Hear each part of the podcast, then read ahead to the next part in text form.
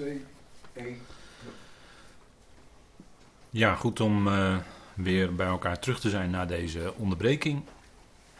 En we zijn bezig met elkaar in uh, Colossense 3 met afleggen. En ons onderwerp is, ja, wat leggen we dan eigenlijk af? We hebben gekeken naar toren en gramschap. Dat zijn dus dingen die onder gelovigen uh, erg op de achtergrond zouden zijn, om het zo maar te zeggen. En uh, het verschil is met, met mensen en met God. Kijk, God is ook verontwaardigd bij tijd en gelegenheid. En er wordt ook gesproken over Gods gramschap. Het punt is dat God zijn verontwaardiging houdt wel de juiste maat. Want het wordt door zijn liefde bepaald. En dat zorgt ervoor dat de verontwaardiging voor God maat houdt. En daarom zal die verontwaardiging van God, als dat tot uiting komt, waar we vlak voor deze pauze met elkaar over hadden, het boek Openbaring, wat daarin beschreven staat, dat is heel heftig. Dat zijn hele ernstige gerichten die gaan komen. En dat heeft alles te maken met Gods verontwaardiging. Maar Gods verontwaardiging zal ook de juiste maat houden. Dus exact, God doet alles ook dan in zijn gerichten. Exact op de juiste tijd. Exact maat gehouden, bepaald door zijn liefde. En zo was de Heer ook bij wijze, of bij tijd en gelegenheid um, verontwaardigd. We lezen dat bijvoorbeeld in Marcus 3. En dat wil ik u even voorlezen. Marcus 3, vers 5.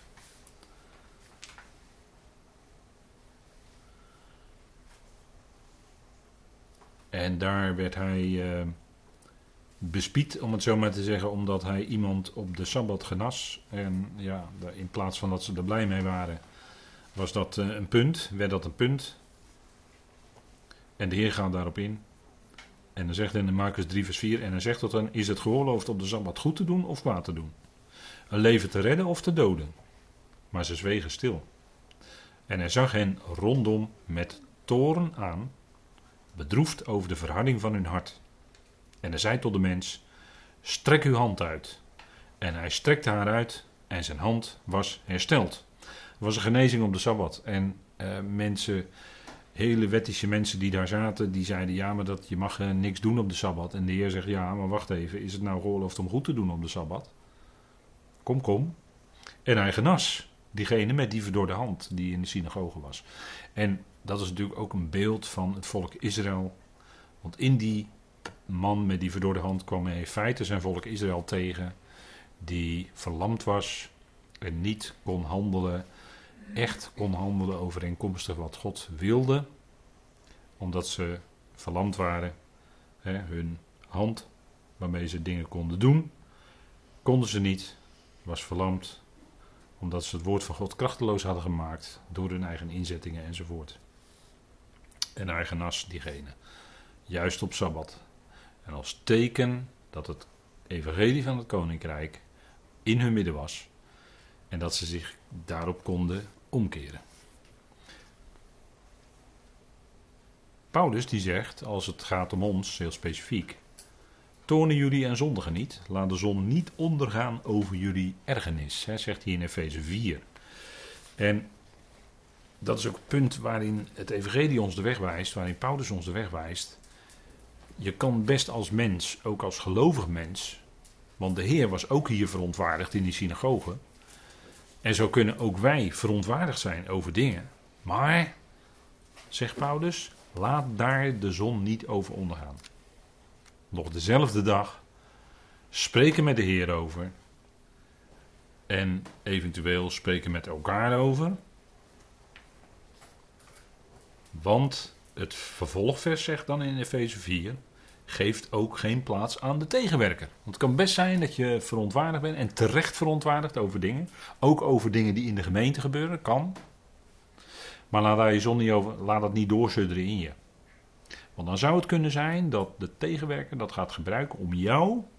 Ja, dat kan. De tegenwerker kan zelfs gelovigen gebruiken. Om bij wijze van spreken, zoals Paulus dat dan zegt, vurige pijlen op die ander af te schieten. Dat kan ook via gelovigen op je afkomen. En dan heb je die wapenrusting nodig. En een belangrijk punt is, laat die verontwaardiging, laat daar, je zon, laat daar de zon niet over ondergaan. Hè? Laat dat niet doorsudderen in je, maar spreek er met hem over. Spreek er met de Heer over. Breng het bij hem. In het vertrouwen dat hij ook dat wat er speelt, dat wat er is, waarover jij verontwaardigd bent, dat hij ook dat in zijn hand heeft. En dat hij ook dat zal uitwerken tot wat goed is. En, en uh, dat, dat is altijd toch wat uiteindelijk bovenaan staat. Hè? Kijk, Mozes, die, uh, nog zo'n voorbeeld. Mozes die sloeg in toren op die rots en uh, sloeg er twee keer op. En dat was niet de bedoeling. En dat had consequenties. Staat in nummer 20 beschreven. Hè? Had consequenties. Hè? Mozes die leidde dat volk door de wildernis, door de woestijn. En dan moest hij op de rots slaan en in zijn toren sloeg hij er twee keer op. Het volk dat was steeds aan, het, aan zijn hoofd aan het.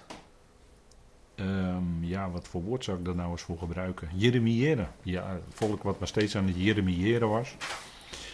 En, en uh, ja, Mozes had er natuurlijk als mens ook wel eens een keertje genoeg van hoor. Steeds maar weer dat volk en steeds maar murmureren en steeds maar tegenspreken. En, en opstandig en het anders willen en noem maar op. Hè. Ja, dan kan je voorstellen dat Mozes ook als mens dan een keer verontwaardigd is. En sloeg hij op de rots, maar dat was toch niet de bedoeling. En dan zie je dat een, een, een toren, een heftigheid, een, ook een hele heftige reactie, hoeft helemaal niet te zeggen dat dat ja, vaak, uh, vaak leidt tot al, iets anders als wat jij voor ogen staat. Of wat je, hè, je wil een punt maken misschien, maar in je heftigheid en in je verontwaardiging zeg je dan toch te snel dingen. Hè? Dat is uh, hè, te snel dingen zeggen, dat kan ook. Hè? Daar spreekt de Bijbel ook wel over. In uh, Jacobus, Jacobus, Jacobus 1 zegt daar ook wel iets over. Vers 19 en 20. En er staat er zoiets, moet u maar eens nalezen, Jacobus. Hè. Dan zegt hij, um, wees uh, zachtmoedig, hè. Dat, dat in jouw geplante woord heeft Jacobus er dan over. Dat in jouw geplante woord. Wees daarin zachtmoedig, hè, ontvang het in zachtmoedigheid. En wees langzaam tot verontwaardiging. En wat bedoelt Jacobus dan? Dan bedoelt hij, je kan best verontwaardigd zijn. En misschien zeg je wel, het kookt bij mij van binnen. En dan toch dat niet tot uiting laten komen. Dat, wacht nou maar even af. Dat heb je ook wel met e-mail, weet u wel. Je krijgt een e-mail en de inhoud ervan, je kookt van binnen. En wat je dan moet doen is, wacht maar een paar dagen. Praat er met de Heer over. Denk erover na. En je, jouw reactie is een paar dagen later heel anders dan dat jij direct de mail zou pakken en keihard terugreageert waar je later spijt van hebt. Ik spreek uit eigen ervaring. Ik doe, het, ik doe dat zo. Ik doe dat zo. En dan merk je gewoon dat een paar dagen later je toon en je antwoord heel anders is dan wat je eerst van plan was. In jouw verontwaardiging. Terecht misschien, terechte verontwaardiging, kan. Maar het is toch anders. En ik denk dat dat te maken heeft met natuurlijk een stukje levenservaring, maar ook een stukje wijsheid wat God dan kennelijk geeft daarin. Nou, dan ben je God dan dankbaar voor dat hij die wijsheid geeft, want dat heb je ook niet van jezelf.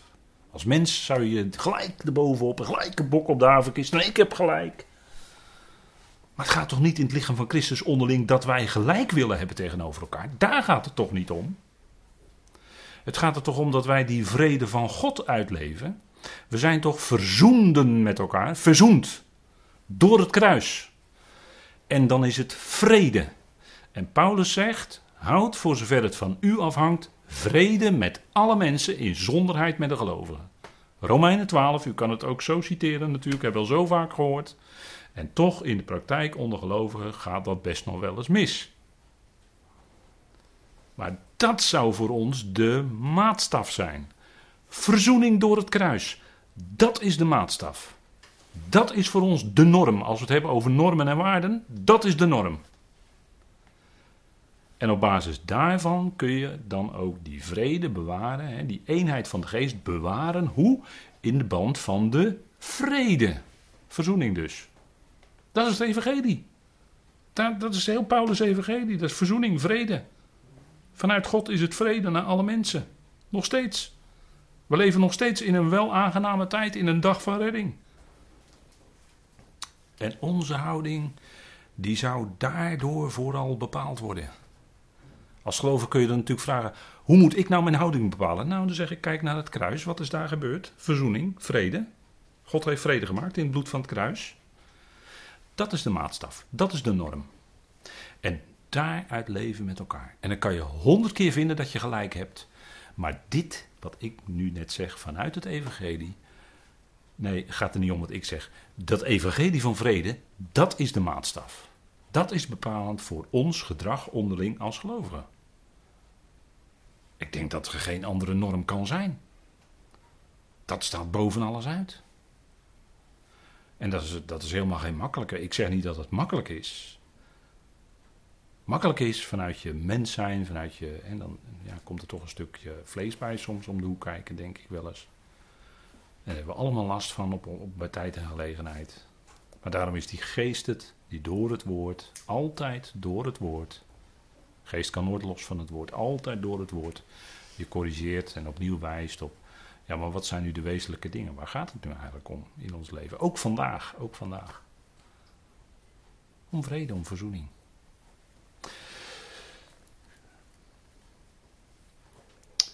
Kijk, bij dat afleggen, bij dat afleggen, daar, daar, daar komen wel eens reacties van mensen. Ehm, zo van, ja maar, ik kan het niet. Het is allemaal heel fijn wat Paulus zegt en ik ben het ermee eens. En ja, maar ik kan het niet in de praktijk. Of een andere gehoorde uitspraak is: Ja, maar van nature ben ik niet zo. Of ik heb nou eenmaal die heftigheid en dat gelijk erbovenop zitten en hard op de tong. En, ja, dat heb ik van, van, van mijn ouders geërfd, overgenomen. Of eh, wat mensen ook wel eens zeggen: Ja, maar je kan niet over je eigen schaduw heen springen. Maar u ziet op deze dia ziet u een groot vraagteken staan en iemand die erover nadenkt. Ehm, en als je daar nou nadenkt, kun je afvragen: ja, zijn dit nou geldige redenen? Zijn dit nou geldige redenen voor ons als gelovigen? En het klinkt allemaal heel menselijk. En ik, we willen er alle begrip voor hebben. En toch, en toch. Kijk. Het punt is daarin. Je kan natuurlijk zeggen: ja, dat afleggen. Ja, ik heb het daar moeilijk mee. En we hebben net even wat redenen de revue laten passeren. Wacht even, maar waar gaat het nou om? Waar gaat het nou om? Wat is nou eigenlijk waar? Wat is nou de waarheid? De waarheid is dit. Dat wij nu als gelovigen met Christus tezamen opgewekt zijn. Net als Colossense, hebben we net met elkaar besproken. Hoofdstuk 2 en 3 spreken daarvan. Met Christus zijn we tezamen opgewekt om in nieuwheid van leven te kunnen wandelen, zegt de Romeinenbrief dan. En het punt is, kijk, wat, wat we net horen, wat je net hoorde in die uitspraken, dat is eigenlijk gevoel. Maar u ziet dit bekende treintje, dat is een hele bekende dit. Maar waar gaat het nou om? Wat is nou een feit? Wat is nou de waarheid? De waarheid is dat wij samen met Christus opgewekt zijn en dat nieuwe leven hebben ontvangen. Dat leven is Christus. Dat is ook onze nieuwe identiteit. Dat is een feit, dat staat voorop. En vervolgens, het tweede wagonnetje, of het eerste wagonnetje achter die locomotief is geloof. Geloof nou die feiten. En wat ik net even met een aantal uitspraken liet komen was dat het geloof niet vooruitkijkt naar die locomotief, maar dat het geloof van die mens, of dat die mens even achterom kijkt naar het eigen gevoel. Ja, maar ik voel dat zo. Ja, maar wacht nou even. Wacht nou even. Ik, hè, onder mensen wordt er zo over eh, gesproken, en dat heb ik ook in de loop van de tijden mensen horen zeggen. Ja, maar het gaat om je gevoel. Wat je gevoel zegt, dat is waar. Dat is helemaal niet waar natuurlijk. Want je gevoel is de ene dag uh, hemelhoog juichend, en de andere dag uh, ten dode bedroefd, hè, als ik de Duitse even heel slecht vertaal. Dat is het gevoel van de mens. Dat is de ene dag zus en de andere dag zo. En uh, gaan alle kanten op. Maar het geloof zou kijken naar die feiten. Het gaat om de feiten. Je hebt dat nieuwe leven van Christus in je gekregen. En dat leven, ja, vanuit dat leven, vanuit die kracht, die geest, afleggen. Ja. Hé, hey, maar dan ligt het dus niet meer in mijn eigen. Nee, precies. Het ligt niet meer aan jouw eigen. Nee. Nee.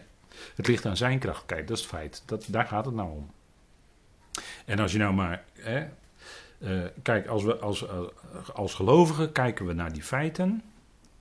En kijken we dus vooruit naar die feiten. En weet u wat dan het wonderlijke is? Als je dat dan hè, op gaat danken. Vader, dank u wel dat dat zo is. Dank u wel dat dat zo is. En dank u wel dat u mij de kracht geeft voor. Dan dank je vader op grond van de feiten van het evangelie. En dan komt dat gevoel komt eigenlijk vanzelf wel bij.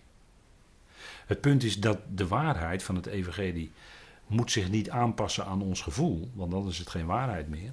Nee, ons gevoel gaat zich als vanzelf op de, in de loop van de tijd aanpassen aan die waarheid van het evangelie. Maar het evangelie, dat is de waarheid. Dat wat God zegt, dat, zo is het. Nou, dat, dan komt daar geloof. En het is geweldig dat God ons geloof gegeven heeft en geeft. En dan komt dat gevoel, dat gaat vanzelf meekomen. Dat is nou het geweldige, wat het evangelie doet in ons leven. En ik denk dat dat het antwoord is op die opmerkingen van een mens die zegt van ja, maar van nature ben je zo dit en dat. Ja, maar dat is, dat is eigenlijk niet helemaal waar hè, wat je dan zegt. Uh, want er is toch iets nieuws in jouw leven binnengekomen. En in feite gaat het daarom. Het gaat niet meer om, ja, maar ik ben van natuur of ik heb dat en dat geërfd of ik sta op de schouders van mijn ouders. En ik, ik snap dat allemaal wel hoor, die, de achtergrond daarvan ook. Maar toch, dit is waar het om gaat. Dit is het evangelie. Dat is wezenlijk, dat is waar. Dat, is, dat zal ook blijken in je leven als je daarin meegaat en, en God geeft je dat vertrouwen en alles. Dan zal het ook blijken dat het waar is. En dat het ook zo werkt in je leven. Exact zoals de apostel. Apostel Paulus is een enorme practicus. Bij de apostel Paulus gaat het om de praktijk. En dat zie je ook in het leven van de apostel Paulus helemaal werkelijkheid worden. Die praktijk. Dat lees je in elke bladzijde van zijn brief terug. En als je zegt dat het bij Paulus alleen gaat om de theorie, dan is dat niet waar. Dat is gewoon niet waar. Bij Paulus gaat het voor de volle 100% om de praktijk. Practicus Paulus. En het punt is dat we hier dat ook zien, hè, dat, dat hij ons steeds voorhoudt op basis van wat de werkelijkheid is, het evangelie. Maar dat is geen theorie. Nee, dat is, dat is en wordt volop praktijk in ons leven. En dat was bij Paulus ook zo. Die, dat opgewonden standje Paulus, wat de gelovigen vervolgde. Moet je kijken wat hij geworden is. Een, liefde, een liefdevolle apostel die met heel veel empathie rekening hield met anderen. Vanuit de liefde van God hoor, die empathie. Kijk, dat is een enorme verandering in een mens. Saulus werd Paulus. die naamsverandering is ook met een geweldige diepe betekenis in de schrift aangegeven. Het is de schrift hoor die dat aangeeft. Dat kun je niet zomaar alleen cultureel verklaren. Maar het is de schrift die het zegt. En dan is het van belang er staat geen woord te veel of te weinig in de schrift. Elk woord staat ook op de juiste plek. Dat is de schrift. Het is door God geïnspireerd. En daar kun je op varen, want dat, dat wordt gewoon werkelijkheid. De mensen zullen het gaan zien. Ook al zijn ze nu stokongelovig, zeggen we dan wel eens. En is het vaak ploegen op de rotsen. Maar ze zullen het gaan zien. Wat zal de atheïst opkijken bij de grote witte troon? Wat zal die opkijken? Ja. In één keer, dat hele atheïstische bolwerk valt dan in duigen, want dan zien ze Jezus Christus. Ja, en die is redder. Kijk, dat is het geweldige van de grote witte troon. Maar goed, daar hopen we binnenkort in openbaring uh, bij te komen. Een geweldig uh, onderwerp. Kijk, Paulus zegt, thans echter legt ook jullie dit alles af. Kwaadaardigheid, lastering, vuile taal uit jullie mond. dat zijn allemaal van die dingen.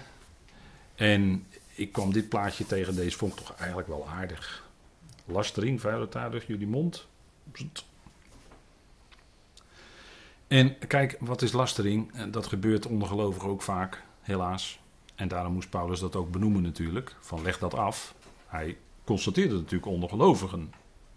Onder gelovigen constateerde hij dat er laster, sprake was van lastering.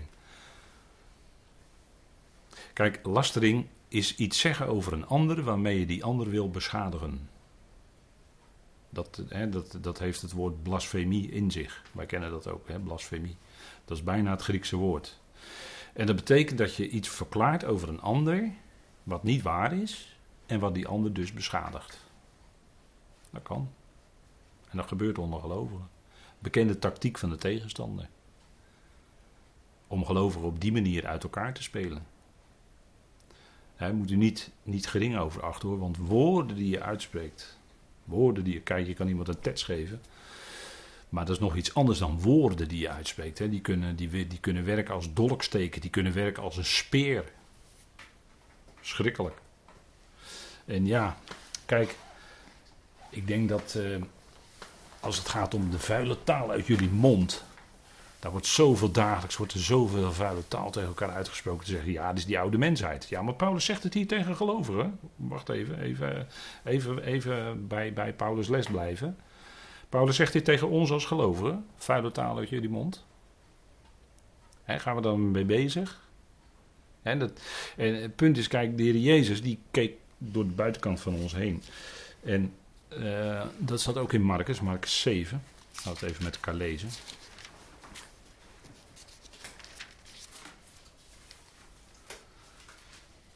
Marcus 7. En dan ging het over rein en onrein. En bij de spijswetten en bij Joodse mensen gaat het natuurlijk vaak om uh, of, of de borden wel kosher zijn en of het eten wel kosher is. En als het niet kosher is, word je daardoor door verontreinigd. Nou, de Heer Jezus die geeft daar toch wat een andere kijk op. Dat is, hij zegt, het gaat niet om uh, niet wat de mens ingaat, maakt de mens onrein maar wat de mens uitgaat. hey, even, dat is een opsteker, hè? dat kunnen we eventjes voor meenemen.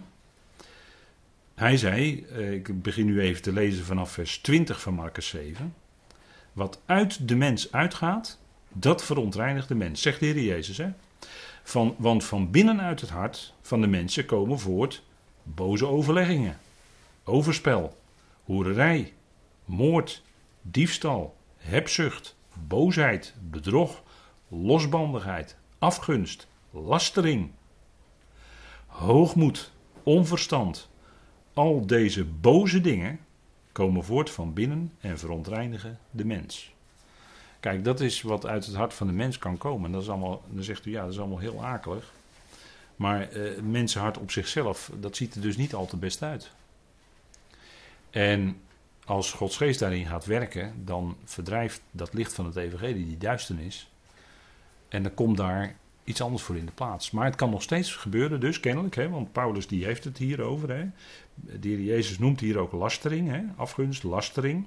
Afgunst, ook een werk van het vlees, hè, jaloezie. Vuile taal uit jullie mond. Dat, gaat dus, dat komt dus uit de mond. En ik meen dat de Heer Jezus ook zei: Uit de overvloed van het hart spreekt de mond. Hé, hey, nog eentje, nog eentje die we kunnen meenemen van onze Heer. Dus wat in het hart zit, daar spreekt de mond over. En als je bij mensen luistert, goed luistert, dan hoor je dus wat in het hart zit. En de Heer Jezus hoorde dat natuurlijk. En deze dingen, die worden natuurlijk ook in Romeinen, ik heb die teksten aangehaald, hè, Romeinen 1 vers 29 en 30, hè, die, uh, dat hoort ook bij die oude mensen. Maar kijk, Paulus, Paulus is ook heel, een heel eerlijk mens. Een heel eerlijk mens. En als we lezen in Titus 3 vers 3 bijvoorbeeld, en dat staat ook dus in de brieven van Paulus, en daar spreekt hij over zichzelf. En dan geeft hij allerlei aanwijzingen aan Titus, hè, maar het gaat even om vers 3, 3 vers 3. En dan zegt hij, want ook wij, ook wij, waren vroeger onverstandig, ongehoorzaam, dwalend, aan velelei begeerten en lusten verslaafd, in boosheid en afgunst levend, hatelijk en elkaar hatend. Nou, dat is, eh, dat is wat eh, de oude situatie was.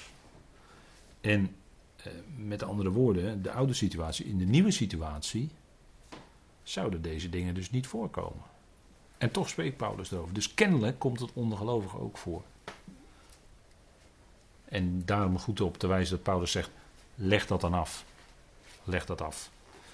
Want dat stemt niet overeen met Gods liefde. Het is niet de liefde. Als je op die manier bezig bent en die dingen uit je mond laat gaan en lasten en dan over elkaar als gelovigen lasten, dat is niet vanuit de liefde van God. En, en als je dat nou merkt bij anderen, hè, die, die dat jou aandoen, hoe reageer je daar dan op?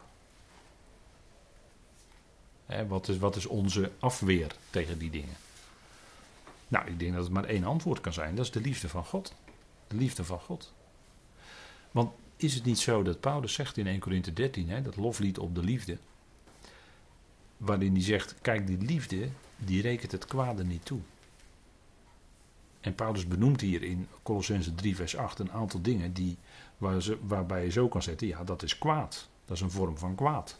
Hè, lastering, taal uit jullie mond, eh, toren, gramschap, noem maar op. Allemaal vormen van kwaad. En zegt Paulus, als, als dat nou op jou afkomt, de liefde rekent het kwade niet aan. Dat is altijd goed om, om, om, om je dat voor te houden. Hè? Om, de, die brieven van Paulus te lezen daarop. De liefde rekent het kwade niet aan. Hey. Dat is best moeilijk, vind ik. Dat is best moeilijk. Want ja, diegene heeft dat dan toch maar over jou gezegd of gedaan, of tegen jou gedaan. En het dan niet toerekenen. Dat is wat. Dat kun je vanuit je mens zijn zelf niet, hè?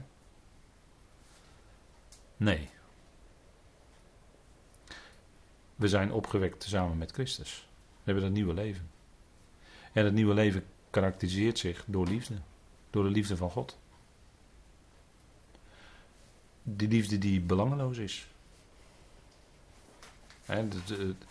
Ja. Dat wat je zegt tegen die ander. Eh, soms is het goed om je af te vragen, niet altijd, maar misschien is het soms goed om je af te vragen. Dat wat ik nou zeg tegen die ander, heb ik daar nou belang bij?